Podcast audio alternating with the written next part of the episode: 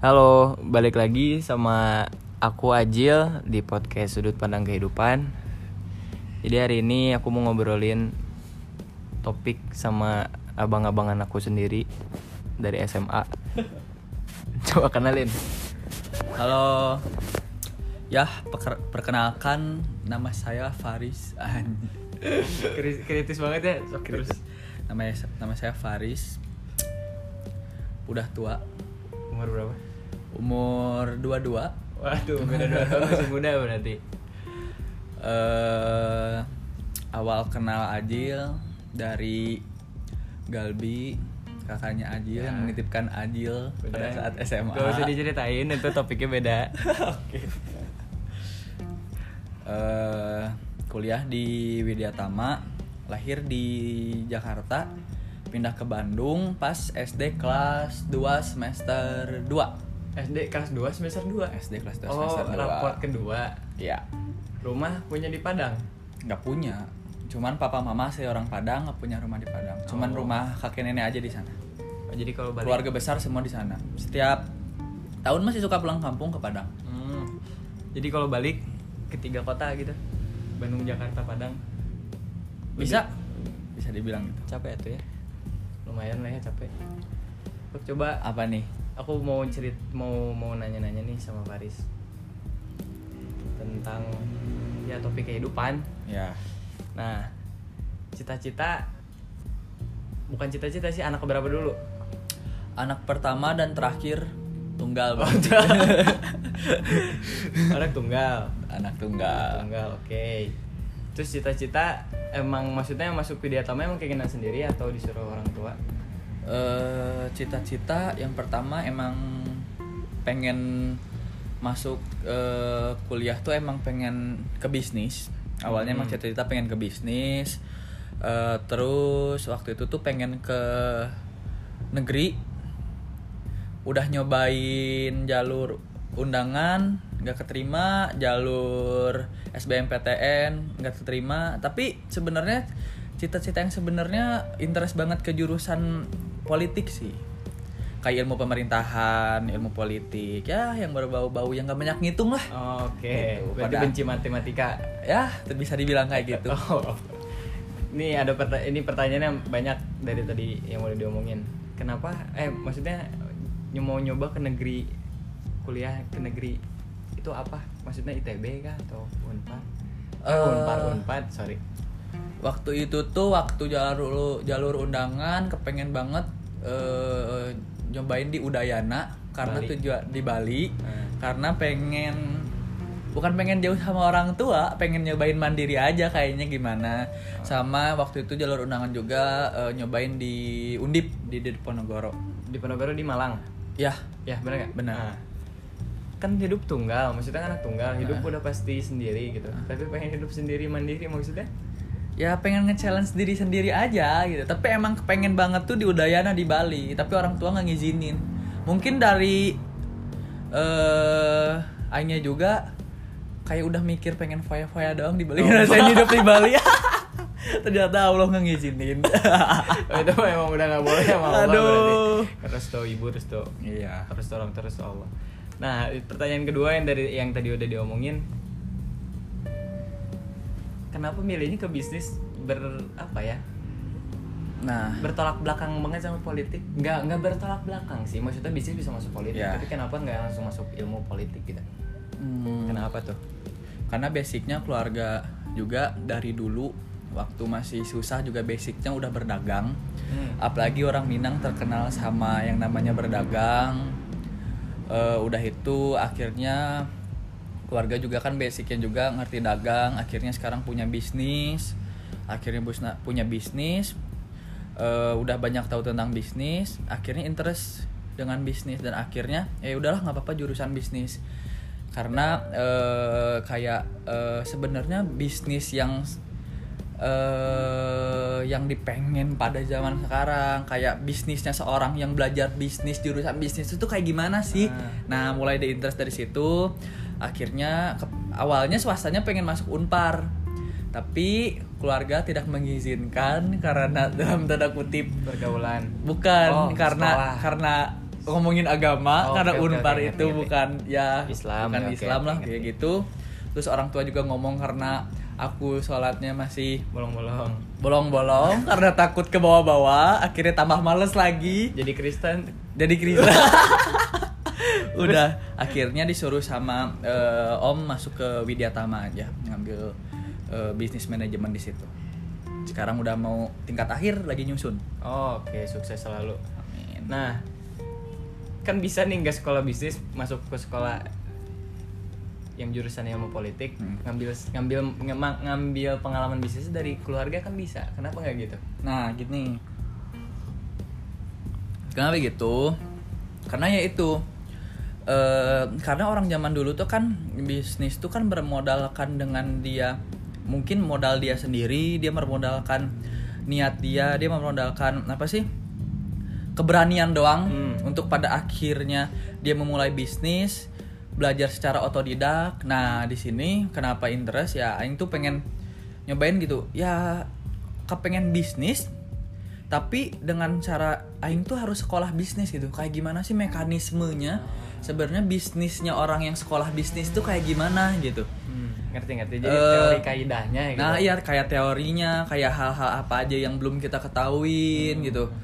Kan itu bakal lebih maksudnya seakan-akan maksudnya lebih proper lah, lebih kita akan lebih ngerti jauh lebih dalam bahwa bisnis itu bukan hanya sekedar kita mencari barang dan menjual barang dan cari konsumen dan kita ngejual sebuah produk kita. Tuh mungkin karena interest ke situ dan menurut aku bisnis juga nggak nggak apa sih nggak nggak nggak berat. nggak berat lah maksudnya nggak nggak semudah orang yang pikirin ternyata bisnis itu gitu. Jadi ntar bisa ngajarin orang tua. Nggak maksudnya ngasih ilmu gitu ngasih kan ilmu lah seenggaknya Nah, seenggaknya. Makanya orang tua juga nge-challenge untuk ya udah coba pengen lihat gitu. Oh challenge juga? Challenge juga lah karena sampai semester eh, 4 sampai eh semester 4 awal sampai tahu semester 3 akhir juga masih ditawarin. Udah kalau misalkan kuliah nggak bener udah kerja aja sama sama papa mama gitu sama keluarga gitu ya. Tapi hati juga masih pengen nge-challenge sendiri kayak ya ya pengen belajar bisnis gitu pengen tahu gitu mekanismenya kayak gimana sih orang yang berbisnis tuh.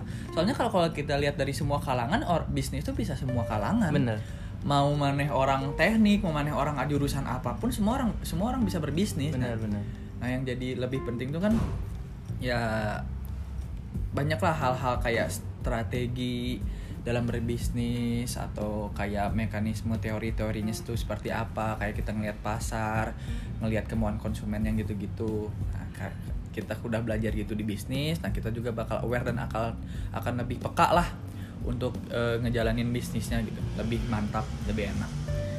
Nah urusan sama politik apa? Itu kan udah udah mindsetnya kan udah ke bisnis tuh. Mm-mm. berarti ada dong di dalam bisnis. Eh maksudnya masuk politik tapi ngunggulin bisnisnya sendiri. Gimana ya? Ngerti nggak? Maksudnya gimana? Kayak misalkan nih Faris punya bisnis. Ah.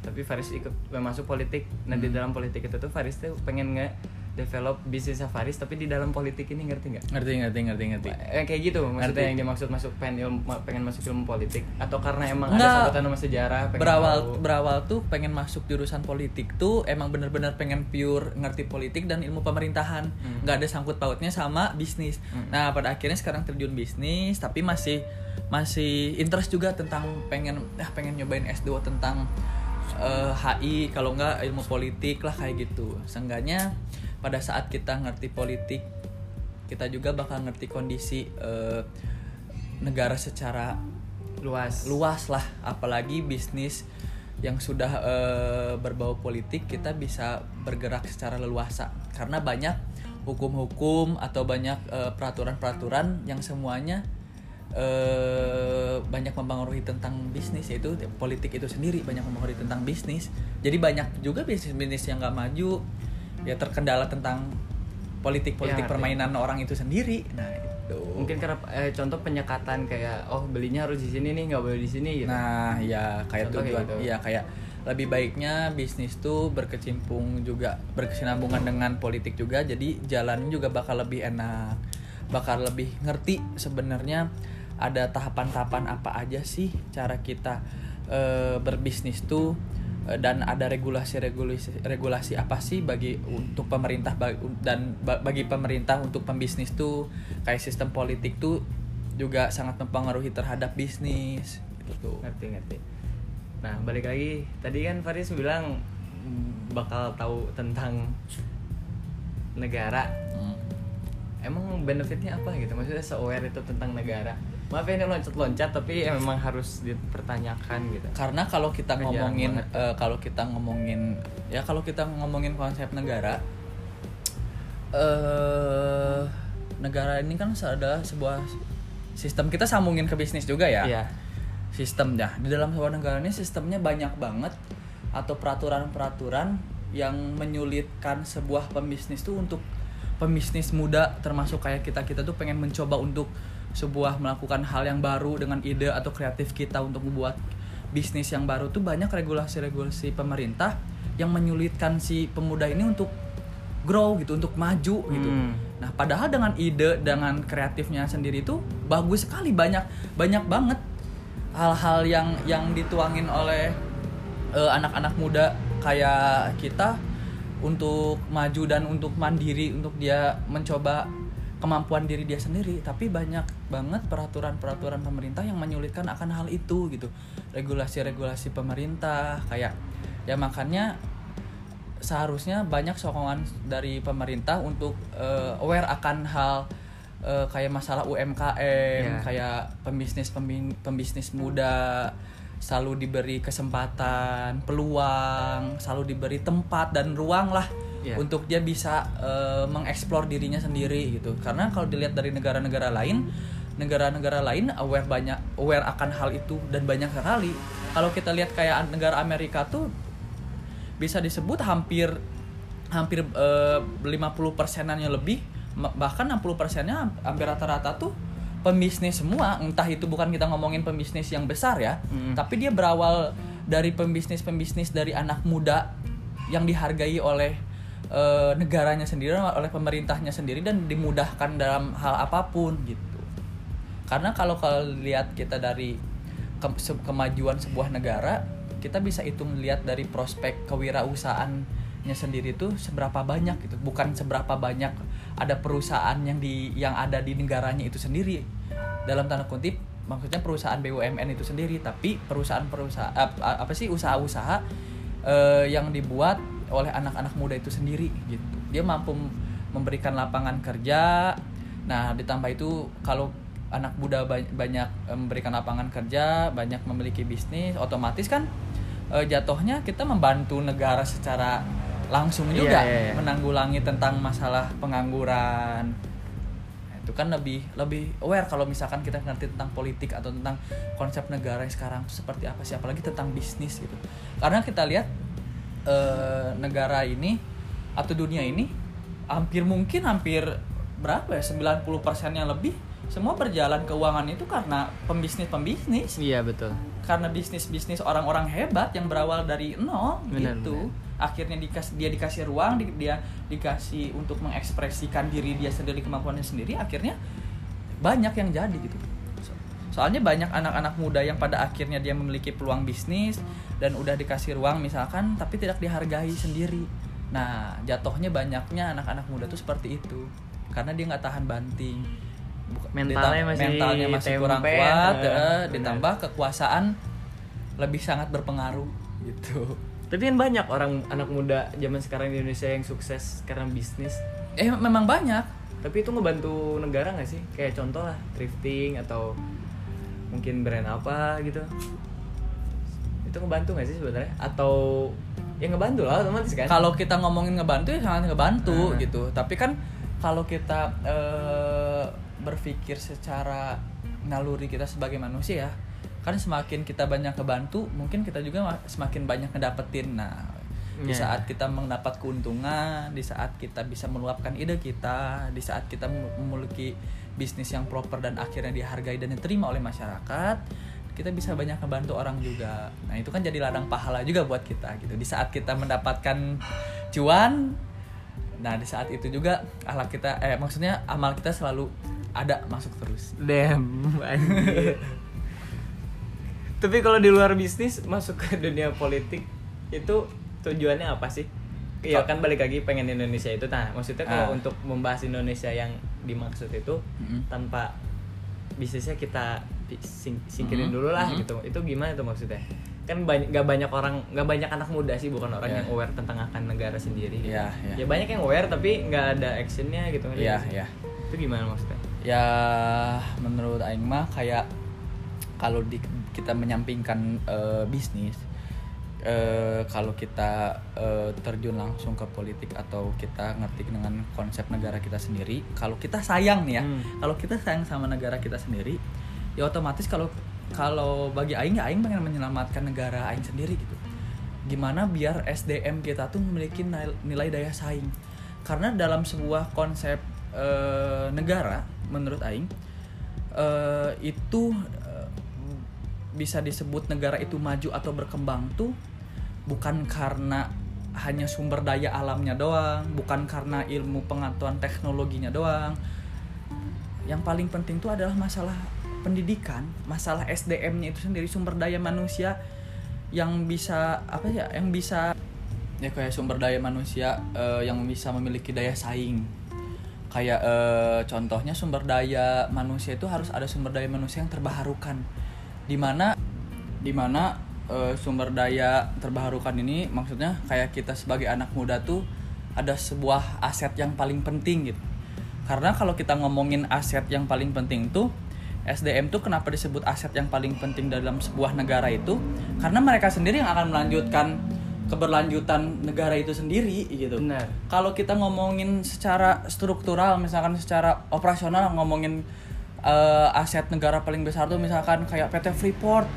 Perusahaan ini perusahaan itu perusahaan yang ada di BUMN bla bla bla. Tapi kalau SDM-nya sendiri nggak bisa nggak bisa mumpuni akan hal itu mengerti akan sebuah sistem di situ tidak bisa eh, mengerti sistem yang ada di situ terus eh, si SDM-nya sendiri nggak berkualitas ya sampai aja kapan pun sebagus-bagusnya perusahaan bakal jatuh sendiri kalau. SDM-nya sendiri nggak nggak berkualitas nggak baik gitu. Maksudnya nggak memiliki daya saing gitu itu itu yang pernah kejadian nama Habibie bukan sih? Ya itu makanya itu. Karena kan eh, banyak belajar lah aing dari Habibi tentang pemikiran dia tentang apa pun terutama tentang ya itu tentang sumber daya manusia yang terbaharukan tuh aing juga banyak belajar tentang dia. Dari Jadi- dia lah gitu. Jadi emang punya mindset gini gara-gara almarhum termasuk Habibie itu termasuk itu. Banyak ba- bisa banyak belajar. belajar banyak hal lah eh, gimana eh, yang yang Habibie ngomong tentang eh, bahwa kualitas sumber daya manusia Indonesia tuh harus kuat, harus bisa, harus memiliki daya saing. Sebenarnya sumber daya manusia Indonesia tuh eh, mampu bersaing dengan negara-negara lain. Ya udah- dibuktikan lah sama yang Habibie sendiri. Dia buktinya dia dile dilecehin di Jerman sendiri, dia orang-orang nggak tahu eh, Indonesia tuh di sebelah mana, tapi Iya. akhirnya dia ngebuktiin dan eh, bahwa eh, kalau kita punya eh, kekuatan, kita mengerti untuk mencintai negara kita sendiri, kita pasti akan aware bahwa SDM tuh sangat penting lah untuk untuk kita tumbuh tumbuh kembangkan di dalam sebuah negara itu. Bener, Jadi bener. pemerintah lu pe- pe- pemerintah tuh sangat penting lah kayak misalkan kayak Kementerian Riset dan Teknologi, Kementerian Pendidikan itu itu menurut Aing tuh udah sebuah aset lah untuk caranya mengembangkan gimana SDM SDM kita tuh mampu. Kayak universitas-universitas dia juga harus harus dinamis pemikirannya dalam sebuah universitas harus bisa mengerti konsep pasar perusahaan yang dibutuhkan tuh di Indonesia dan di dan skala internasional tuh apa aja. Benar. gitu dari kurikulum atau dari pembahasan pembelajarannya itu sangat penting. Nah kan kalau ngobrolin SDM sekarang di Indonesia SDM udah banyak banget turis kayak yang tadi Faris bilang tapi kita kan se- sebenarnya bisa bersaing kan tapi SDM-nya dulu kurang. Tapi sekarang kan udah banyak banget kayak contoh ada STPN High Hmm. dan lain-lain. Itu kan yang emang eh, apa ya bisa dibilang dia tuh ngeluarin mahasiswa-mahasiswa yang berkualitas gitu untuk SDM kan. Nah itu gimana tuh maksudnya? Masih bisa sekarang tuh masih bisa bersaing gak sih kan kita udah ketinggalan jauh tuh kayak kemarin lah yang udah sama Aing sama Mane udah diobrolin Hmm. tentang mobil Mm-mm. luar negeri udah bikin mobil listrik tapi kita baru mau bikin mobil bensin Hmm. Mobil bensin. kan lucu banget gitu Iya. nah itu tuh kenapa tuh bisa kayak gitu emang karena governmentnya sendiri atau Hmm. emang emang susah aja gitu Ini kalau kita kalau kita eh, tarik ke belakang ya. Banyak kan SDM SDM kita yang udah lanjut usia, yang Mm. akhirnya udah 30 ke atas, sudah 40 ke atas, tapi dia tidak bisa mengenyam pendidikan tinggi. Iya Dia tidak bisa mengenyam pendidikan tinggi, dia tidak berkemampuan untuk sekolah eh sekolah apa sih? Sekolah khusus untuk misalkan kayak mana ya tentang digital marketing. Kan nggak semua orang punya biaya akan hal itu. bener Nah, eh, makanya pemerintah kan eh, ngebuka juga kayak eh, apa sih sebuah lembaga bimbingan untuk eh, orang-orang yang tidak berkemampuan itu untuk diberikan penyuluhan secara langsung dari pemerintah langsung bagaimana eh, ngebuat UMKM, bagaimana ngebuat ngejalanin bisnis sendiri untuk daerahnya sendiri gitu, mengembangkan SDM dari di- dari berbagai aspek kemampuan eh, orang-orangnya sendiri. Nah, kayak misalkan petani nih, kayak misalkan petani kan banyak yang lulusannya cuman SD atau cuman SMP atau nggak sekolah sekolah sama sekali gitu.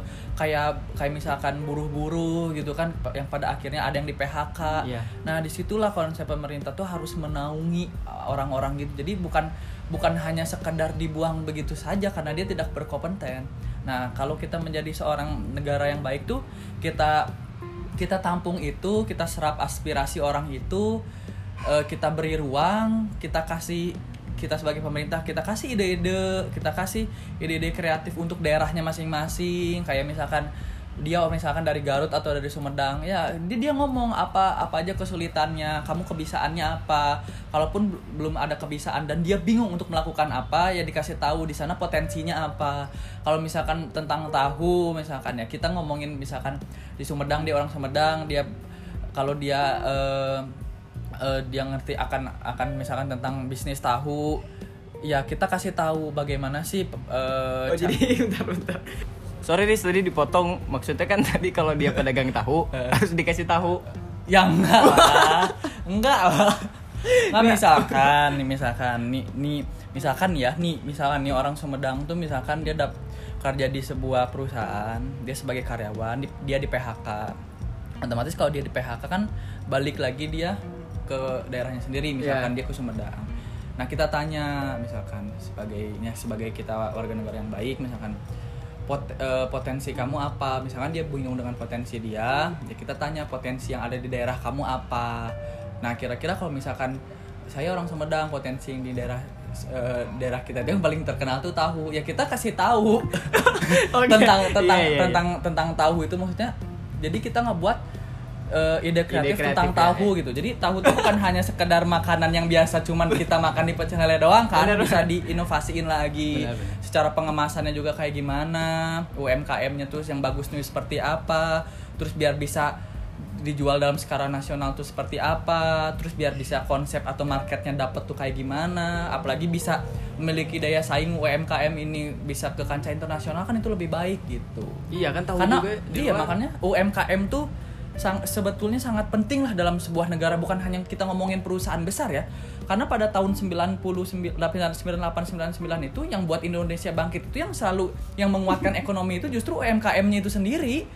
Usaha kecil menengahnya itu sendiri gitu. Pada saat perusahaan-perusahaan besar pada kolaps pada bangkrut justru yang kita lihat secara langsung kayak UMKM itu sendiri yang yang mencukupi ekonomi Indonesia itu sendiri gitu. Makanya kita nggak bisa em, memandang sebelah mata lah kayak orang-orang seperti itu. Kita harus tetap kasih ruang kita naungi kita kasih ide kita kasih masukan kita kasih kritikan dan saran. Nah beda kan kalau misalkan kayak misalkan alhamdulillah orang-orang yang bisa mengenyam pendidikan tinggi dia mengerti tentang eh eh, apa sih konsep bisnis yang Bener. yang benar. Dia dia misalkan sekolah tentang bisnis dia apalagi misalkan kayak lulusan NH kayak gitu. Dia kan udah punya progres. Benar, benar. dia ngerti dia ngerti eh, kayak gimana dia udah punya progres.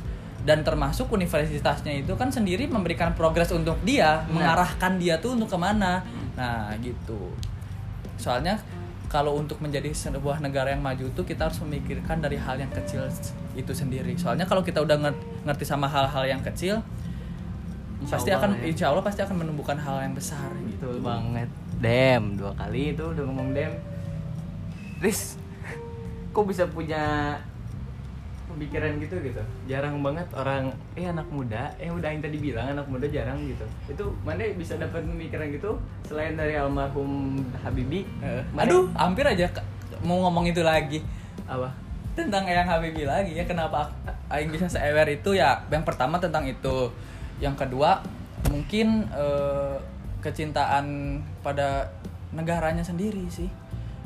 Itu yang yang paling penting gitu Iya kalau cinta negara sendiri orang lain pada cinta tapi Iya. kan nggak nggak semuanya aware maksudnya Iya. Aing juga Aing juga cinta Hmm. tapi kalau untuk aware Aing belum gitu Hmm.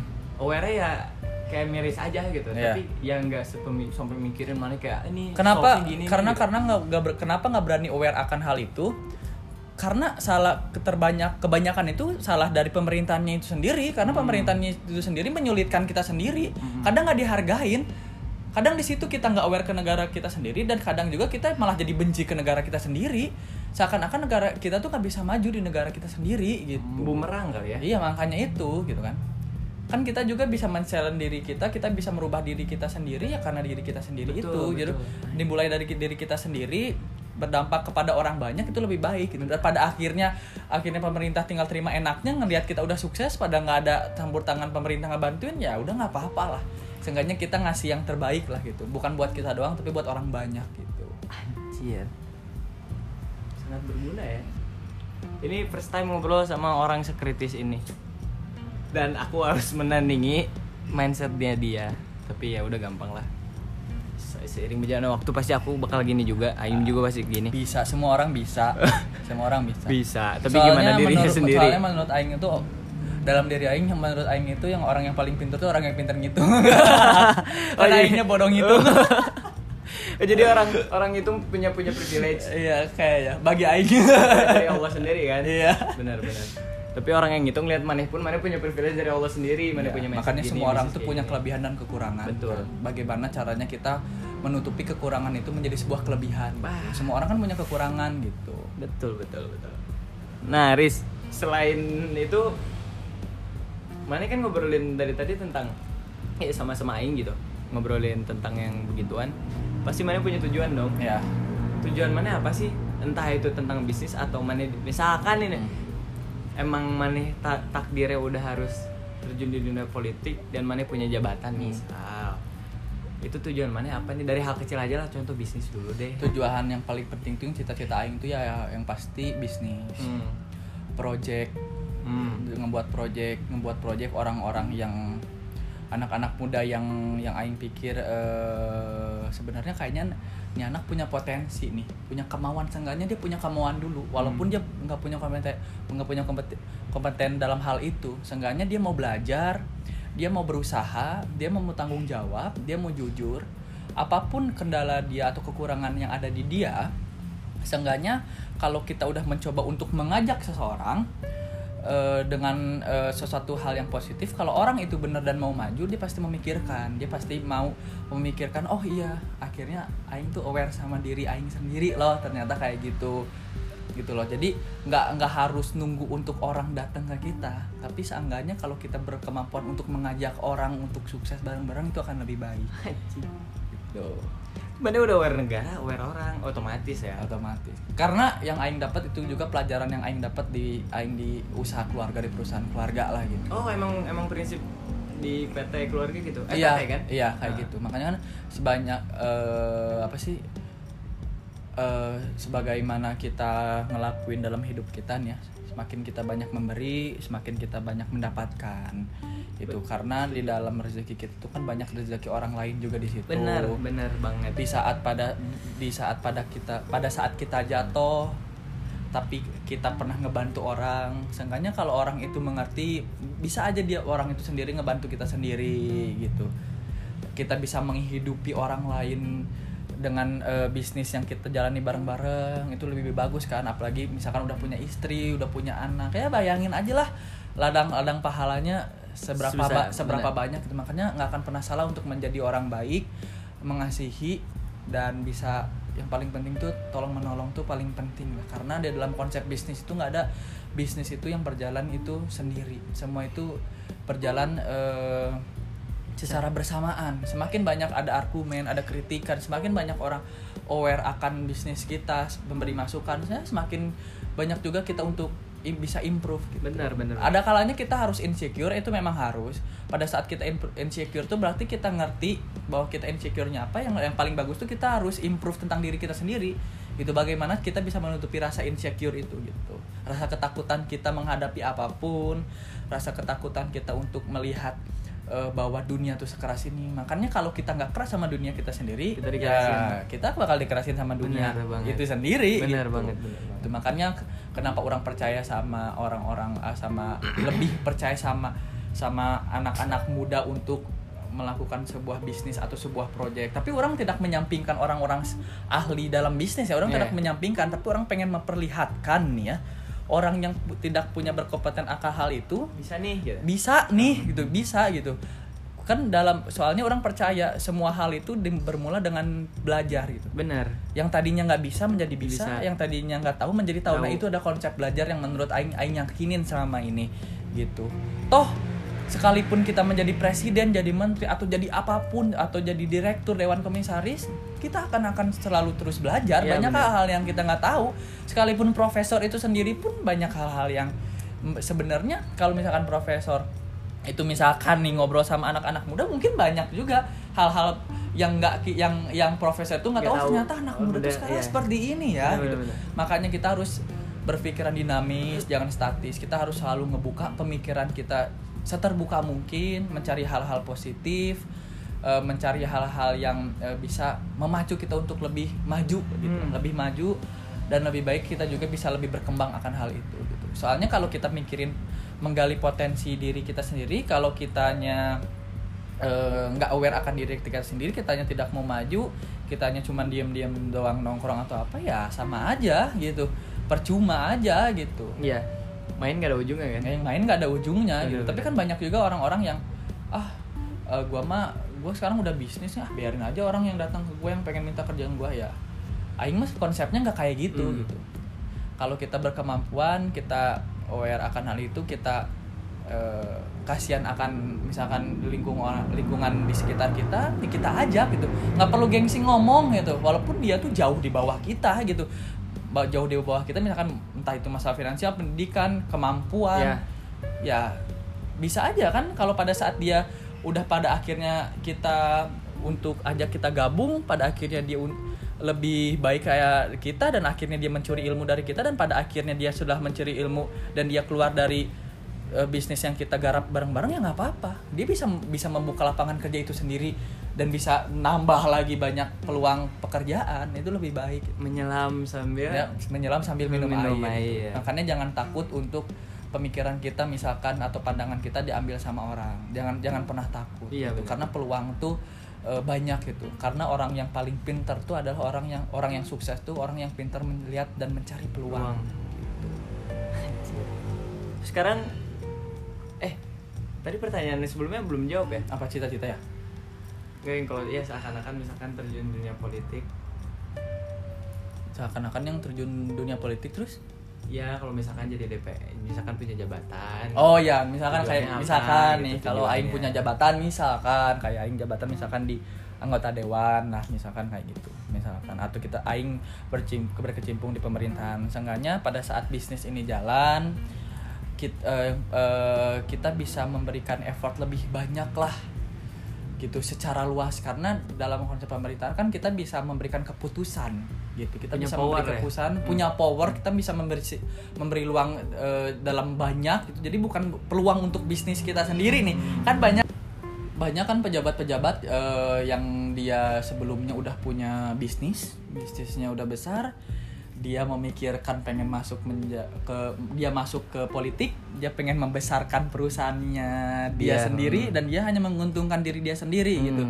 Dia tanpa memikirkan hal-hal eh, yang dirugikan ya? ya, ya, yang dirugikan yang maksudnya nggak nggak mikir hal-hal yang yang mementingkan dengan kehidupan bermasyarakat yang banyak lah. Nah ini sini kenapa kenapa pengen masuk juga? Sebenarnya interest juga lah.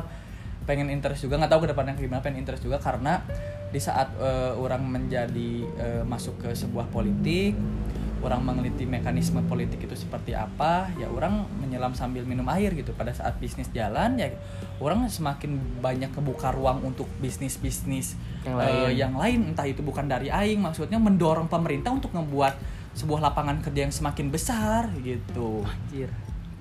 gitu loh Untuk aware buat masyarakat lagi. iya Sakit. karena itu ya Ya ntar lah yang coblos ya. Kira-kira umur berapa? kan baru interest Oh iya, baru baru interest. interest Ya semoga lah cita-citanya terus tercapai dua-duanya. amin Nah, ntar kalau udah sukses kan banyak lapangan kerja. Nah, inti intinya gitu sih pengen ngebuat lapangan kerja semakin banyak gitu.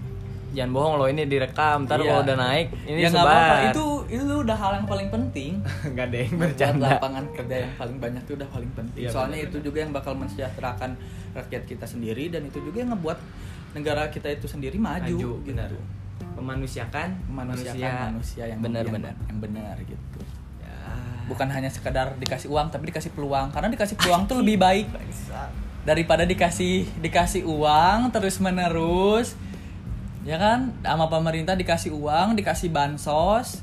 Ya ngomongin bansos mah udahlah. Buat masalah penanggulangan bencana aja kalau ada bencana kasih Iya, bansos ya iya. nggak apa-apa.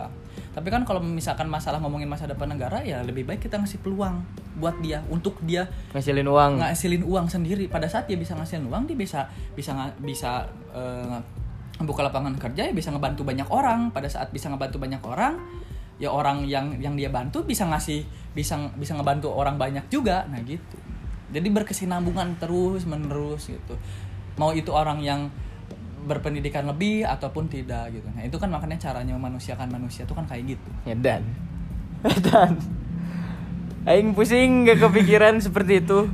Cinta you banget Riz. Aing jadi banyak insight nih. ya Ya semoga lah kita bisa duduk di pemerintahan bareng. Tapi enggak deng, aku nggak mau menjadi pembisnis.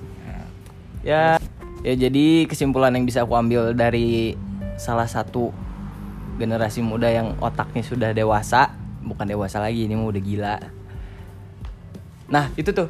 Kalau mau sukses harus gila. Iya. Gila ngambil keputusan kan? Ya, nah, bilang ambil keputusan gila Gi- apalagi. harus gila juga berani eh, mengajak orang untuk bekerja sama Hmm, jangan memikirkan dia dari sudut pandang dia berpendidikan tinggi atau apa karena semua orang bisa belajar Bet- anjir, gitu. betul. karena karena orang ber- karena orang berpendidikan belum tentu dia terdidik makanya prosesnya orang terdidik tuh bakal bakal beda dengan orang yang berpendidikan Bener-bener Gitu. anjir, anjir. Ya banyak banget ya kesimpulannya yang aku dapetin banyak banget sumpah Gak banyak, banyak banget. Iya maksudnya wah jadi- banyak belum lah. jadi apa-apa Ya kan ini bis, bisa ah, ini kan aku menyelam sambil minum air secara tidak langsung. amin amin Amin ya Allah. semakin banyak curi Ilmu. yang di maksudnya semakin banyak nyuri ilmu ya semakin berkualitas juga kan diri, Betul. diri siapa pun orang gitu Ber- jadi jangan jangan takut untuk mencuri karena konsep semuanya ini kenapa bisa terjadinya sebuah nge- orang ngebuat buku orang kenapa bisa buat ah, bisnis bla bla bla bla itu semua karena nyuri gitu Iya, iya. kita curi ilmunya ya kita kemas dengan kemasan kita sendiri gitu jangan jangan kita curi dan kita jiplak habis-habisan jangan Iya, kita iya. jiplak 100% gitu ATM kan ya. Iya. Amati Percuma tiru. kan kalau gitu kan jatuhnya kita juga nggak berkembang. Bener bener bener. Karena kalau konsep pemikiran tuh kita nggak bisa berpikiran secara maju doang, kita juga harus berkembang. Kecuali kalau konsep negara ya.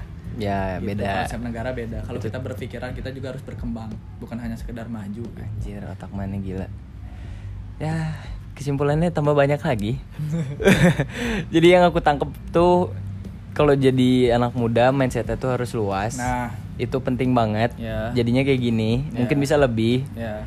Ini bukan patokan ya Faris kayak Ya. gini bukan patokan Bukan anak patokan, muda harus kayak bukan gini patokan. gitu Semua banyak yang lebih pintar. Iya, banyak lebih yang lebih aware, pintar, yang lebih benar. pintar dari aing, yang lebih ngerti banyak banyak. Banyak banget tapi nggak nggak kayak expose kali ya nggak Nah, kayak expose Cuma gitu. ini ya, yang jadi salah tuh itu. Yang jadi salah tuh biasanya orang pintar tuh maunya jalan sendiri, Jil. Iya egois Dia egois. Dia Egois bener dia jarang banget pengen Kebanyakan kebanyakan, Nah, ya kebanyakan Bukan ya, mukul rata Bukan mukul rata Bukan bukan rata. Enggak, enggak, bener. Nah, kesimpulannya ya itu yang tadi, Hmm. kalau jadi anak muda mindset harus Nah, harus sama satu luas. misalkan. nih. Apa tuh? Ada kan orang suka ngomong, dia udah udah ditetapkan di sebuah pekerjaan ini, dia udah nyaman akan pekerjaan itu. Terus Hmm. dia ngomong, terus ada yang ngomong kayak gini. E, lo harus berani keluar dari zona nyaman. Misalkan dia kerja di bank atau kerja di di mana.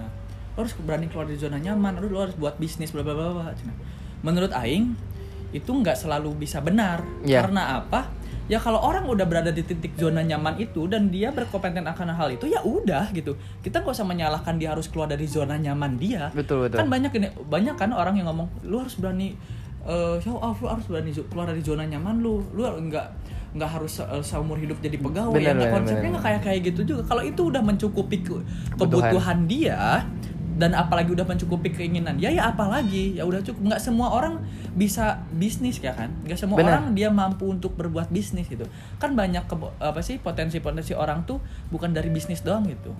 Kan kita menjadi sebuah seorang pegawai juga itu udah sebuah eh, pola dalam sebuah sistem operasional dalam bekerja juga perusahaan. Dia bisa Iya. mendapatkan uang dia bisa menghidupi kehidupan dia gitu. Ngapain kita harus menuntut dia pada saat dia udah nyaman dan dia harus belajar lagi dan dia harus Struggle lagi. struggle lagi harus under pressure lagi untuk dia keluar dari zona nyaman Benar, ya menurut Aing ya menurut, Aing ya pemikiran Aing ya nggak ya nggak usah Nggak ya nggak salah. apa-apa nggak usah dipaksain. Nggak semuanya harus jadi pembisnis. Benar benar. Gitu. Tapi emang semua orang bisa jadi pembisnis. Tapi untuk potensi nggak semua orang bisa struggle dan kuat untuk menjadi pembisnis. Gitu. kalau kita ngomongin eh eh, bisnis ya kan misalkan aing sekolah bisnis kalau kita ngomongin eh, di dalam bisnis tuh kayak ada ma- materi manajemen keuangan operasional SDM eh, kewirausahaan misalkan kayak kita ngomongin SDM anak psikologi lebih pintar daripada Ben- anak manajemen. Kalau kita ngomongin keuangan, anak teknik lebih pintar dari kita.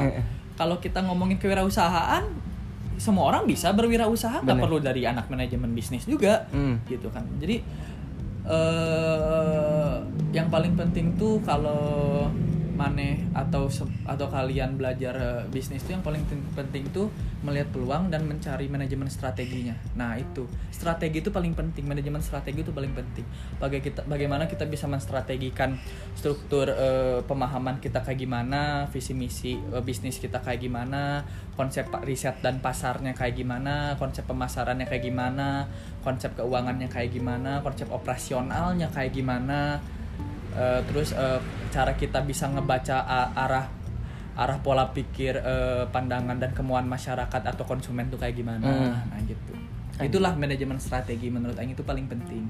Karena nggak nggak menurut Aing nggak ada di jurusan yang lain manajemen strategi itu. Apalagi ngomongin manajemen strategi dalam skala bisnis ya. Mm-mm. nah gitu. Itu yang Jadi, paling penting. lebih strategi. strategi lebih penting Iya. sebelum ngejalanin bisnis gitu. Iya Oke, nah tuh tambah lagi kan. Jadi sumpah demi Allah ini insight banyak Iya. banget. Jadi kesimpulannya awal yang tadi yang aku udah bilang kalau jadi anak muda mindset harus luas. Hmm. Yang kedua harus bisa baca peluang Hmm. semasa kita masih muda. Soalnya kan apa ya banyak orang sukses gara-gara baca peluang kan. Itu bukan beruntung. Keberuntungan tuh nggak ada sebenarnya. Itu kan pernah kan kita bahas ngomongin Iya, tentang keberuntungan. orang yang jadi itu bukan hanya sekedar orang yang bisa membaca peluang, tapi orang juga orang yang bisa mengungkapkan apa kegelisahan Iya dia. benar-benar. Pada saat kita nggak bisa mengungkapkan apa kegelisahan kita, apa kemauan kita, ya kita nggak akan bisa maju. Benar. Karena orang yang bakal maju dan bakal jadi itu orang yang bisa mampu mengungkapkan apa isi hatinya, Mm-mm. dan itu yang menjadikan tujuan hidup dia. Betul banget. Aduh, deep banget ya. Dari obrolan politik jadi bisnis jadi deep. Nah, sampai mana tadi aku eh, kesimpulannya? Oh, ini baca peluang. Nah, yang baca keberuntungan tuh nggak ada sebenarnya. Kalau keberuntungan tuh adalah peluang yang Nah, yang bertemu dengan ya apa keberusahaan, eh Eh. berusaha. Eh apa sih? Eh pokoknya intinya tuh keberuntungan nggak ada. Ya, jadi intinya ke- keberuntungan tuh peluang yang di yang Keberuntung- dibarengin sama ah, usaha. ya, jadi ngerti nggak sih? Jadi keberuntungan itu emang nggak ada, tapi oh, keberuntungan itu datang kalau kita bisa membaca peluang dan kita memanfaatkan peluang Iya, itu dan ngejemput. mengambil peluang dan ngejemput peluang Mm, itu. bener bener bener nah itu intinya itu pokoknya terus eh Soalnya kalau kita ngomongin bisnis di di seumuran kita, sebenarnya bisnis tuh gampang. Membuat bisnis tuh gampang. Dalam pola pola pikir bisnis tuh masalah modal tuh bisa ke nomor 10 kan, Iya, nomor 8 kan. Yang paling itu yang paling penting tuh niat dulu. Toh kita tanpa ada uang juga, kita modal investor juga bisa. gitu. Benar. Banyak hal-hal yang nggak harus kita takutilah kalau kita mau mencoba untuk berbuat eh, bisnis ya, kayak gitu. jalan ada di mana-mana kan Jalan ada di mana-mana. benar benar Asal mau berani percaya sama orang. Nah, konsep bisnis itu harus percaya sama orang. sama Allah Maksudnya maksudnya Iya, iya, ngerti, dalam ngerti. bisnis itu kita harus percaya sama orang. Mm-mm. Ya Allah udah pasti. Udah pastilah itu Makanya yang kan ngasih kan. Ada juga kan orang yang ngomong eh dia dia mana buka bisnis tahun nih dia ngomongin bisnis tapi kalau kita ngelihat secara operasionalnya kok dia kayak pedagang ya nah makanya ada orang yang ngomong em, dia tuh bisnis tapi pola, pola operasionalnya kayak pedagang. Pedagang. malah orang pedagang sendiri dilihat operasionalnya dia kayak pembisnis kayak Hmm, pembisnis iya, kan. iya, makanya harus ngebedain antara pedagang dan pembisnis bisnis itu ada perbedaan. Nah, ada perbedaan Ntar dibahas lagi ya di yang lebih lebih penting lah itu penting banget. Ya, itu Terus- ter- apa yang Aing ngomongin itu juga Aing- banyak yang Aing dapat dari eh, kuliah juga. Iya. Nah, gitu. Oh iya. Iyalah. Oh iya, berarti kuliah tuh penting guys. Tapi dan, dan punya mentor yang Yang baik. Aing percaya juga Iya, makanya benar, bisa benar. kayak gini. Jadi intinya jangan kalau masih muda jangan gak mau belajar harus belajar terus tuh buat kalian. Aku juga sama ini jadi pengen belajar. Semakin kita belajar semakin kita bodoh sebenarnya. Iya, Sem- benar. benar nggak? Benar. Nah, jadi kesimpulannya tuh banyak banget intinya. Intinya tuh kalian aware sama sekitar lah. Hmm. Bantulah yang emang susah hidupnya. Kalau emang kalian punya punya apa ya? Punya rezeki lebih ya bantu. Da, yang ngasih mah pasti ngasih lagi ngerti nggak sih? Ya intinya itu pokoknya mah kalian percaya berdoa, usaha. Kalau usaha nggak bareng doa itu bo. Kalau usaha nggak bareng doa itu sombong. Ya. Kalau berdoa nggak bareng usaha itu bohong gitu. Jadi intinya guys. Jadi intinya tuh banyak yang yang aku sampaikan itu. Ya. Oke, thank you banget Riz. Oke. Sangat bermanfaat banget. Oke, siap. Semoga bermanfaat buat kalian semua ya. Yoi. Buat kalian yang mau bisnis dari sekarang bisnis sekarang, oke? Oke. Dadah. Assalamualaikum. Salam.